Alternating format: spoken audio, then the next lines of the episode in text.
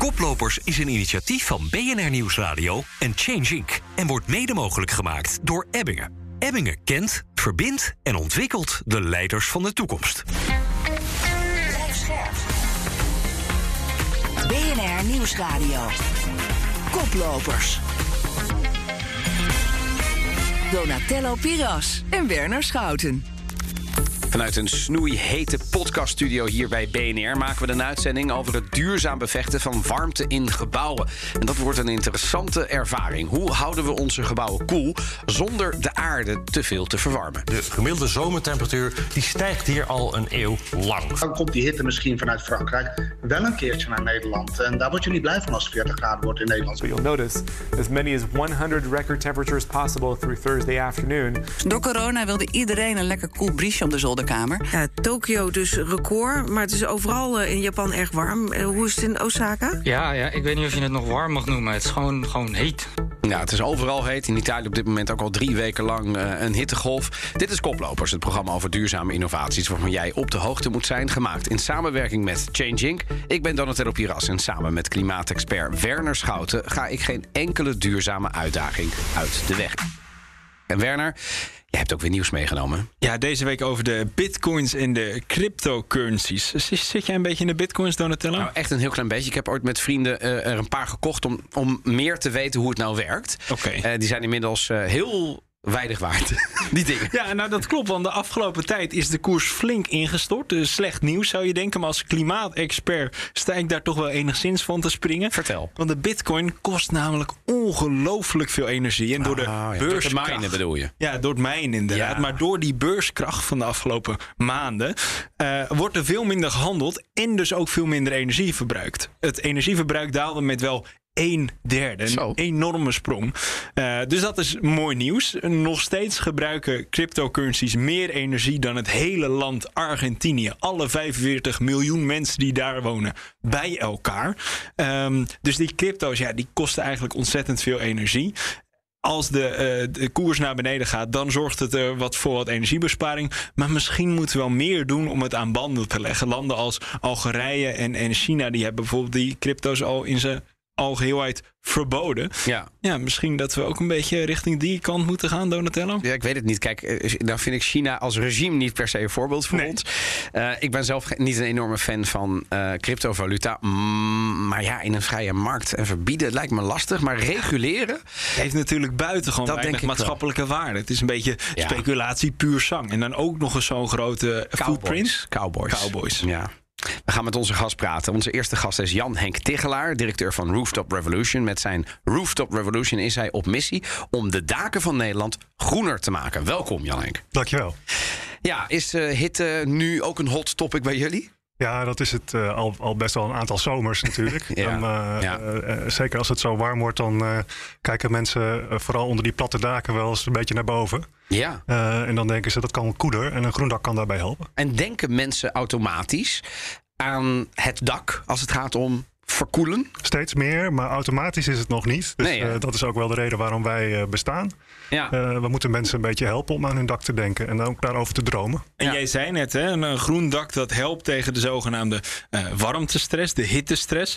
Eh, op welke manier helpt dat? Zou je, eh, loop ons even door het proces. Ja, dus een, een klassiek zwart plat dak wordt ontzettend bitumen en heet, zo, ja. Bitumen, dus dat, eh, dat wordt eh, 80 graden. Misschien zelfs nog iets meer met de oplopende Als de zon erop staat. Als de zon erop staat, ja. Oké. Precies, dus dat staat echt te bakken in de zon. Eh, en je krijgt natuurlijk warmtedoorslag eh, eh, in het gebouw. Dus als je onder zo'n plat dak moet, moet werken of wonen, dan word je helemaal gek. Dat is niet fijn. Dat is niet fijn. Ik herken dit met de uitbouw bijvoorbeeld, Ja? of met ons kantoor in de tuin. Bitumen. Het is, hè, en ik ben dus aan het nadenken, zou het nou helpen? En dan kijk ik naar jou om het te vergroenen. Ja, dat helpt natuurlijk sowieso, want eh, eh, die planten die absorberen minder hitte dan, dan de bitumen. En als het ook nog eh, vochtig wordt gehouden eh, door, door de regen of misschien door bevloeiing, dan gaat het zelfs als een natuurlijke airco werken. Dan krijg je namelijk dat die plantjes eh, eh, het water gaan verdampen en dan krijg je een verkoelend effect. Oh. Eh, dus dan wordt het boven zo'n dak, een, een nat eh, groen dak, is eh, niet veel warmer dan de buitenluchttemperatuur. Of zelfs iets koeler. Maar stel nou, het is 30 graden buiten. ik zweet peentjes in mijn werkkamer. Als je dan een groen dak toevoegt, hoeveel graden kan dat schelen dan? Nou, als je een niet zo goed geïsoleerd dak hebt, kan het wel 8 graden schelen. 8 de ruimte graden schelen bij Ja. slecht geïsoleerd dak. Dat is best wel veel, inderdaad. Ehm, is nu warmte de voornaamste reden voor groene dakbedekking? Is dat dat je zegt, nou, ja, daarom moet je het doen? Of zijn er ook andere redenen? Er zijn gelukkig heel veel andere redenen. Um, uh, uh, dat maakt het soms ook wel eens lastig. Maar het is echt, echt een beetje zo'n no-regret maatregel. Want het helpt natuurlijk ook uh, voor het opvangen van zware buien. Het is goed voor de biodiversiteit. En het is heel goed voor het geluksgevoel ook. uitzicht op groen.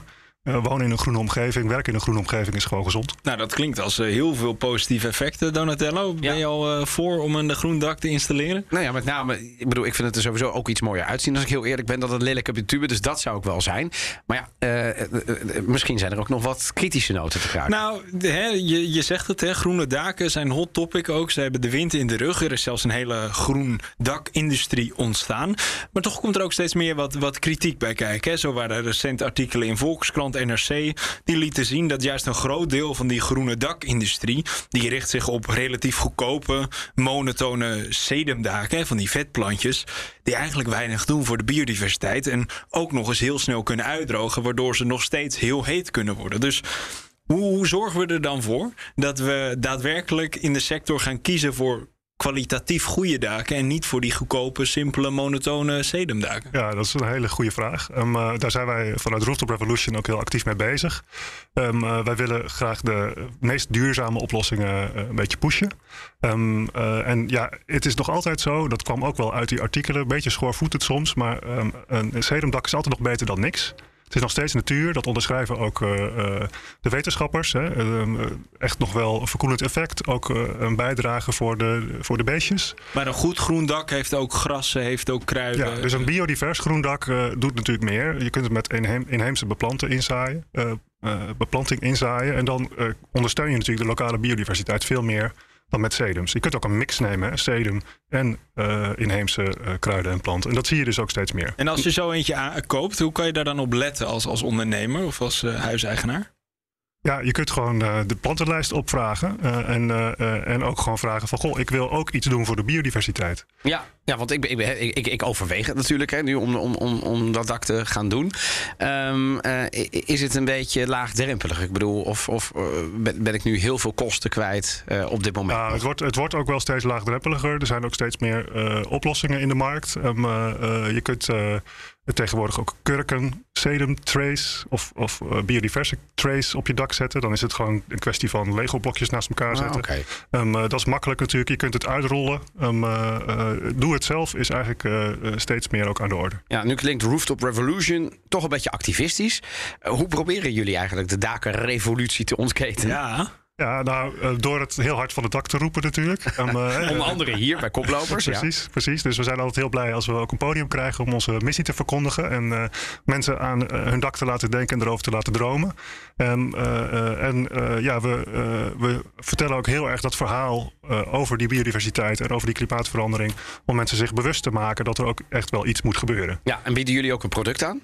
Wij bieden zelf geen producten aan, maar wel diensten. Dus uh, uh, wij helpen wel mensen om uh, nou ja, die droom dan ook te realiseren. Ja, als ik dan dit verhaal hoor, denk ik, nou, dit klinkt fantastisch. Hoe kan het nou dat ik daarbuiten, ik zie er bijzonder weinig, ook in een stad als Amsterdam bijvoorbeeld. Hoe kan het nou? Ja, de revolutie gaat dak voor dak en dat kan inderdaad nog wel wat sneller.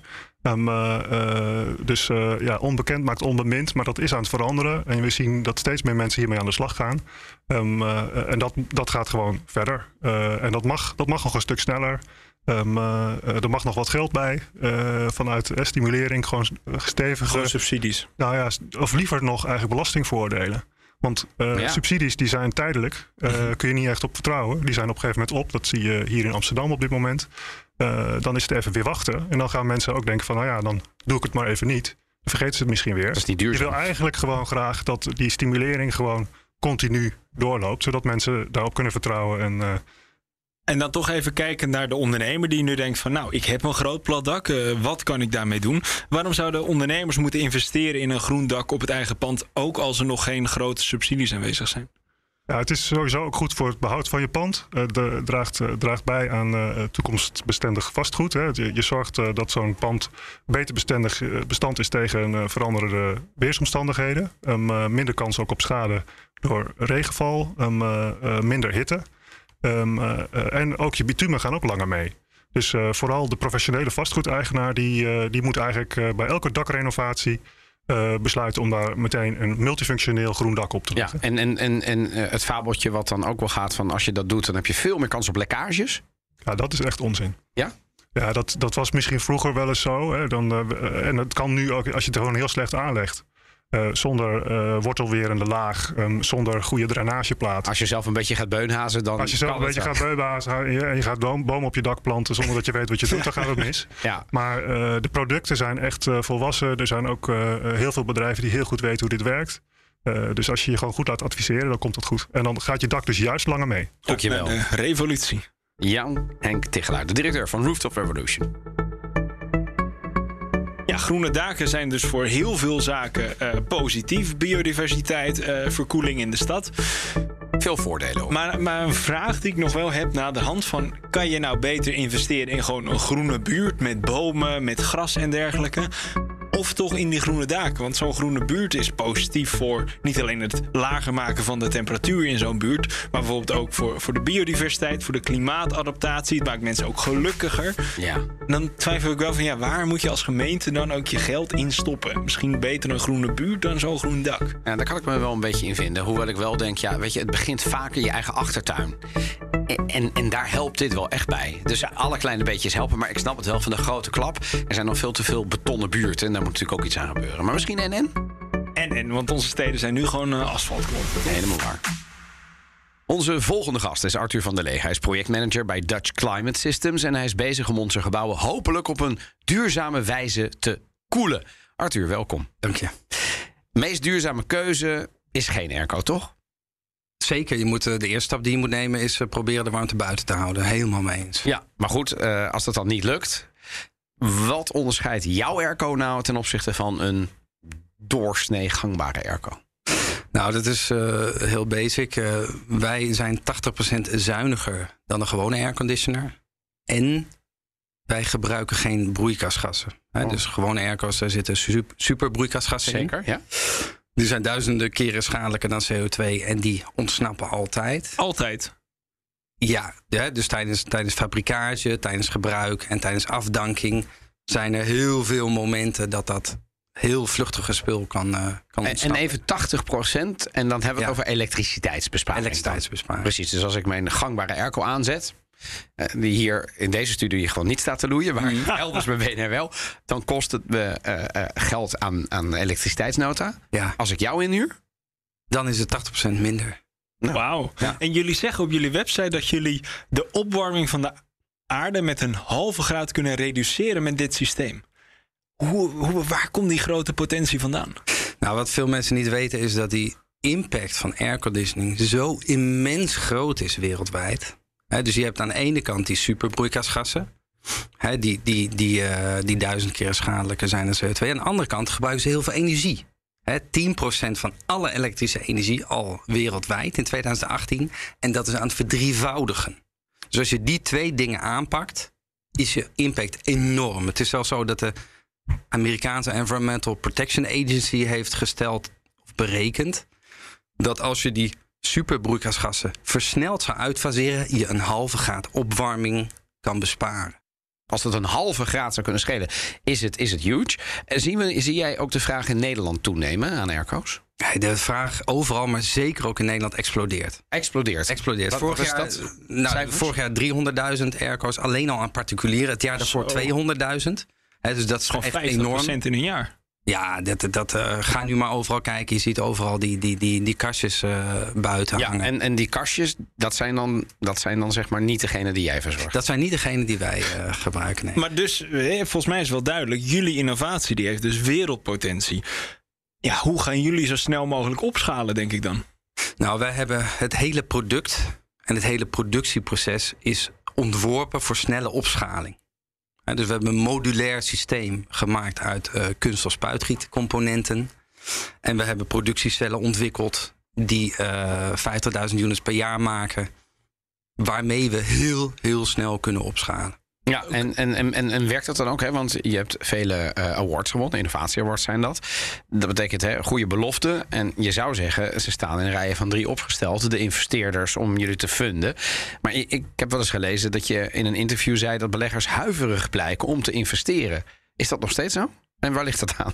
Nou, kijk, ze staan ook wel in de rij. Ah, gelukkig. Het, punt, het punt is dat, dat eh, kijk, wij, wij vinden het echt belangrijk om in ons bedrijf een lange termijn visie te hebben. Ja, ja. En het grootste gros van de investeerders, die wil gewoon na vijf jaar cash. Ja, die willen en rendement. dat willen wij niet in ons bedrijf hebben. Je wil geen rendement. Sorry? Je wil geen rendement. Wij Of- willen of niet- zeker wel rendement. oké, maar niet die korte periode. rendement. Maar niet inderdaad na vijf jaar. En dan moet je je bedrijf verkopen. En wat gebeurt er dan met de techniek? Hè? Wij voelen ons verantwoordelijk om die techniek wereldwijd te verspreiden. Maar, dat goed, stel, punt. stel dat ik het nu wel zou willen en ik heb nu een bak met geld. En Werner eh, ook. Hoe lang eh, hebben we, want uiteindelijk moet er iets van een return on investment zijn. Vijf jaar vind je te kort. Wat vind je wel een redelijke termijn? Nee, je kan wel eh, gelijk return krijgen. Alleen wij willen niet gedwongen worden om verkocht te worden aan een van de grote fabrikanten. Maar als jullie innovatie dan zo goed is, dan wil je dat toch eigenlijk zo snel mogelijk delen met de wereld. Zodat je, eh, weet ik veel, een, een Siemens of een Mitsubishi eh, toestaat om, om jullie product te maken. Want dan kunnen we het direct opschalen. Absoluut, dat is ook het doel. Ja, precies. Dus daar ben je niet tegen. Nee, daar zijn we niet tegen. Kijk, ik bedoel, wij, wij, wij- kijk, wij moeten eerst groeien. Maar zorgt jullie selectiviteit bij investeerders dan misschien niet een beetje dat je misschien ja, eh, minder snel opschaalt dan zou kunnen? Ja, dat kan zijn, ja. Ja, kan zijn. En ik bedoel, dan kan je die bal bij ons leggen. Maar wij zeggen ook, dames en heren, willen wij klimaatverandering tegengaan? Steun ons, doe mee. Ja, nu, kan alles gekoeld worden. Hè? Ik bedoel, wij staan hier nu in best wel. Het valt nog mee, maar ik sta al in hemsmouwen. Maar dit is een, een studio die zeg maar nogal snel opwarmt. Kan dit gekoeld worden met jouw systeem? Absoluut. Dat kan. Ja, tuurlijk. Oké, nou dan gaan we sowieso straks even een afspraak maken. Ja, wat ik nog Want wel- ze zeggen dat het niet kan Nou, namelijk. dat zou Dus fantastisch zijn. nou, die hebben we vast binnen. Eh facilitaire dienstverlening. Ja. Wat, wat ik nog wel interessant vond, eh, een onderzoeker die, die keek ook naar jullie innovatie en die zei wel van ja, anders dan een airco kan jullie innovatie niet heel erg naar lage temperatuur op warme, vochtige dagen. Soms hooguit naar bijvoorbeeld 23 graden. Eh, Klopt dat? Nou, deels klopt dat. Kijk, eh, wij gebruiken de meest geavanceerde vorm van de koeling door de verdamping van water. Hè, waar Jan het ook over had. Maar dat is, dat is eigenlijk de meest primitieve vorm. Wij gebruiken de meest geavanceerde vorm, is dauwpuntkoeling. Daarvoor geldt hoe heter de lucht is, hoe krachtiger die koelt. Dus wordt het 35, wordt het 40 graden. Dan koelt hij alsnog naar een 23, 22 graden. Dat geldt ook voor hoe droger de lucht is, hoe dieper je koelt. Oké. En dat is een stukje luxe. Nou, in principe ben je altijd beschermd tegen hittegolven met ons systeem. Wil je net even iets meer luxe, dan combineren wij het met een manier om lucht te ontvochtigen, zodat je op ieder moment het perfecte binnenklimaat. Is dus eigenlijk geen enkel probleem. Het is geen enkel probleem. We hebben voor iedere situatie een oplossing. Tot slot, eh, Arthur, eh, wat is jouw advies nu aan ondernemers die ook aan het luisteren zijn en denken, nou, wie eh, willen de wereld ook een stukje verbeteren? Wat zijn nou korte klappen die zij kunnen doen? Ehm, hoe jij ook in de wedstrijd zit, zeg maar. Waar moeten ze beginnen? Als het gaat om technieken? Ja. Ja, ik vind dat, dat, dat jullie een hele goede combinatie hebben hier. Want, want je moet eerst voorkomen dat je energie verbruikt. Hè? Dus dat je, dat je ja. warmte binnenkrijgt. En dan als je actief moet gaan koelen, wat je eigenlijk altijd moet, want het klimaat warmt op. Het wordt gewoon hartstikke warm. En dan is het een week lang warm en dan zit de warmte binnen. Dan moet je de meest energiezuinige techniek gebruiken. En die dat is combinatie. uiteraard de Ice Cube. En ik denk ook dat het belangrijk is om een stuk meer focus te hebben op energiebesparing. In plaats van alleen maar op duurzame opwekking. Want de goedkoopste, meest milieuvriendelijke manier is minder energie verbruiken. Dankjewel. Arthur van der Lee van Dutch Climate Systems. Ja, nou ja, kijk, eh, ik word hier wel vrolijk van. Maar ik, ik denk ook, als het, als, al is het maar, maar, maar half waar wat Arthur zegt. Hè? Is het gigantisch? Half graad. Ik bedoel, jij bent hier de klimaatexpert. Maar ik denk dan, wat zitten we hier nou dan nog te doen als dit? bedoel, dan moeten we dat investeren. kan honderden miljoenen klimaatvluchtelingen schelen. Dat kan ontzettend veel leed besparen als dit lukt. Ja, vorige week is er nog in de Dolomieten nog een stuk van een gletsjer afgegleden. eh, met, met, met doden tot gevolg en enorme gevolgen voor de natuur. Dus waar hebben we het over? enige wat ik wel heb Werner.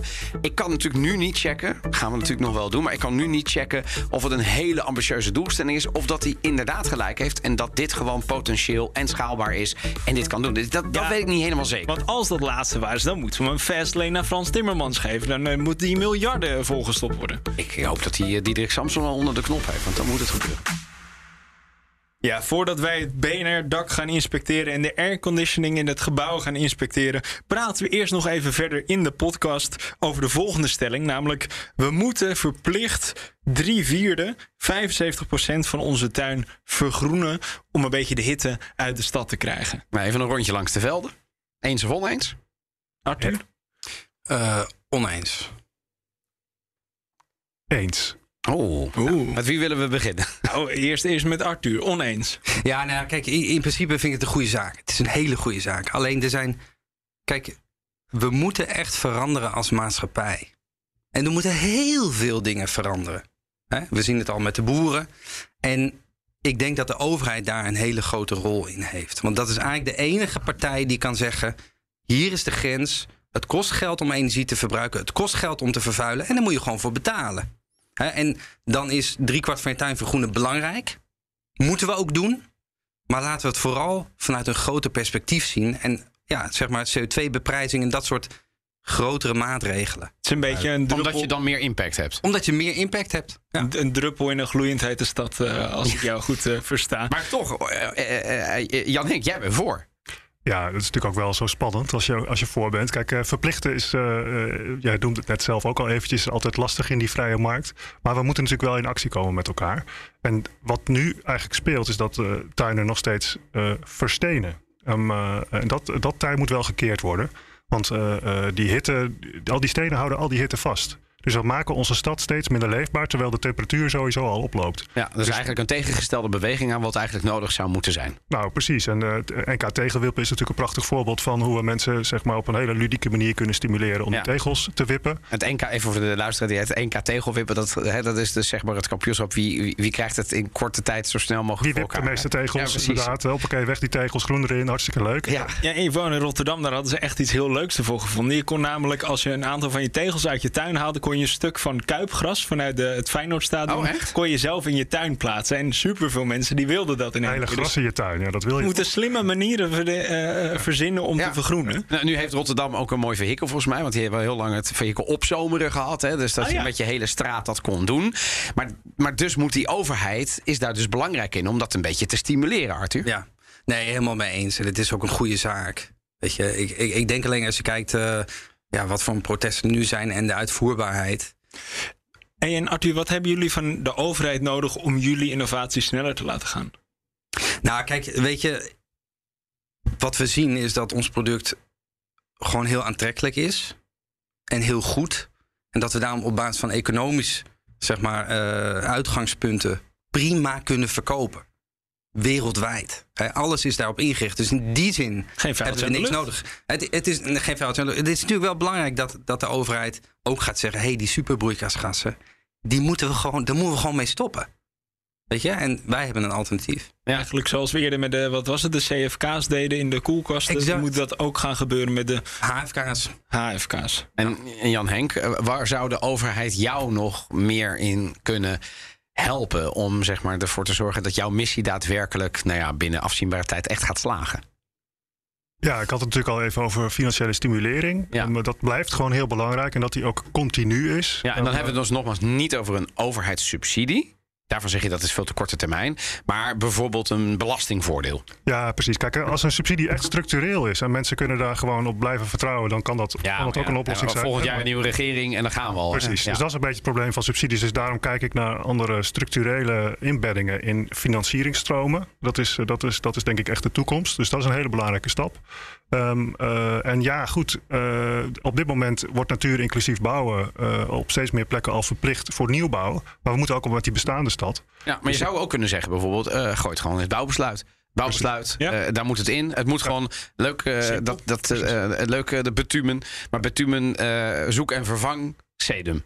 Of nou, precies. Die die, eh, die, die dakbedekking houden, die blijft nodig. Je wilt Ja. nog steeds een waterdicht dak. Ja, maar wat daar dan wel, bovenop komt, hè, dus, dus ik kan mij best voorstellen dat op termijn eh, eh, inderdaad de overheid zegt van nou doe wat met je dak. En als je dat binnen, binnen zoveel jaar niet hebt gedaan of bij je volgende dakvervanging niet hebt gedaan, dan... Maar dat kunnen we toch verplichten. Kunnen we toch de woningcorporaties, als we het in het bouwbesluit zetten, kunnen we toch de projectontwikkelaars en de corporaties gewoon verplichten om dit te doen? Of, of, of, of oh, denk ik er nu veel te makkelijk over? Ja, kijk, het kost natuurlijk een hoop geld. En, Ah. en, en een heel hoop van de voordelen gaat, eh, gaan ook naar de maatschappij. Dus ik vind het heel erg logisch dat, eh, dat we als maatschappij, en da- daarvoor hebben we de overheid, ook financieel gaan bijdragen aan, aan deze transitie. Maar tegelijkertijd hebben we natuurlijk nu nog steeds niet de verplichting. Eh, afgelopen tijd hadden we wel in Rotterdam de Rotterdamse dakendagen. Ja, ik, ik kom alleen maar met voorbeelden uit Rotterdam Ja, vandaan. pas op, hè? We zijn, maar waarbij ze dus ook willen kijken van je kan een moestuin op een dak aanleggen. Je, je, we konden over daken heen lopen, allemaal heel leuk bedacht. Helpt dat nou om dat bewustzijn te vergroten? Ja, of is dat meer gewoon een beetje een leuke gimmick, maar echt effect Nee, natuurlijk helpt dat. En wij hebben ook eh, nauw contact met, eh, met de organisatoren van de Rotterdamse Dakendagen natuurlijk. eh, en en dit, soort, dit soort dingen gewoon zichtbaar maken. mensen ook meenemen dat dak op. Hè, een stukje dakgevoel creëren. Heel veel mensen zijn zich totaal niet bewust van de ruimte die daar ligt. Dus die bewustwording is ook ontzettend belangrijk. Oké, en dan ja, over vijf jaar hebben jullie die, die dakenrevolutie gerealiseerd. Kijk ik nog even naar Arthur. Over vijf jaar, waar staan jullie? Nou, wij zijn een eh, miljardenbedrijf die wereldwijd verkoopt. Kijk, eh, onze, onze missie is Cooling the Planet. En geconcretiseerd in dat wij in 2030 de airco-industrie klimaatneutraal willen hebben. Dus dan moeten we heel hard op. Klimaatneutraal zelfs. Klimaatneutraal, ja. Is dat haalbaar of is dit gewoon, joh, we moeten ambitieus zijn, maar het is eigenlijk lastig? Ik denk dat het haalbaar is. Ja? Het punt is, je moet laten zien dat het kan. Daarom willen wij groot worden. Als je laat zien dat het kan, dan dwing je de industrie om ook te veranderen. En jij zegt het kan dus? Absoluut. Particulier en bedrijf? Alles, iedereen. Zijn, jullie, zijn er ook nog grote concurrerende te- te- technologieën die eigenlijk hetzelfde als jullie doen? Of zijn jullie eigenlijk one of a kind? Nee, one of a kind. Ons product is absoluut uniek, gepatenteerd. De prestatie die wij halen is geen apparaat ter wereld die dat kan. Mitsubishi Eat Your Heart Out. Ik wil dat zeggen, dit, is, eh, dit klinkt als een mooie sales pitch in ieder geval. Dankjewel, Arthur van der Lee van Dutch Climate Systems. En ook namens Rooftop Revolution, Jan Henk Tigelaar. Tot zover de podcast van Koplopers van deze week. Volgende week maandag om half vier zijn we weer te beluisteren op de radio of natuurlijk in jouw favoriete podcast-app. En vergeet trouwens niet om onze podcast te volgen. Een review achter te laten zou mooi zijn, maar het liefst... Positieve geluiden, vijf sterren, heel graag. Bedankt voor het luisteren en tot volgende week. Koplopers is een initiatief van BNR Nieuwsradio en Change Inc. en wordt mede mogelijk gemaakt door Vattenval. Samen werken we aan een fossielvrij leven binnen één generatie.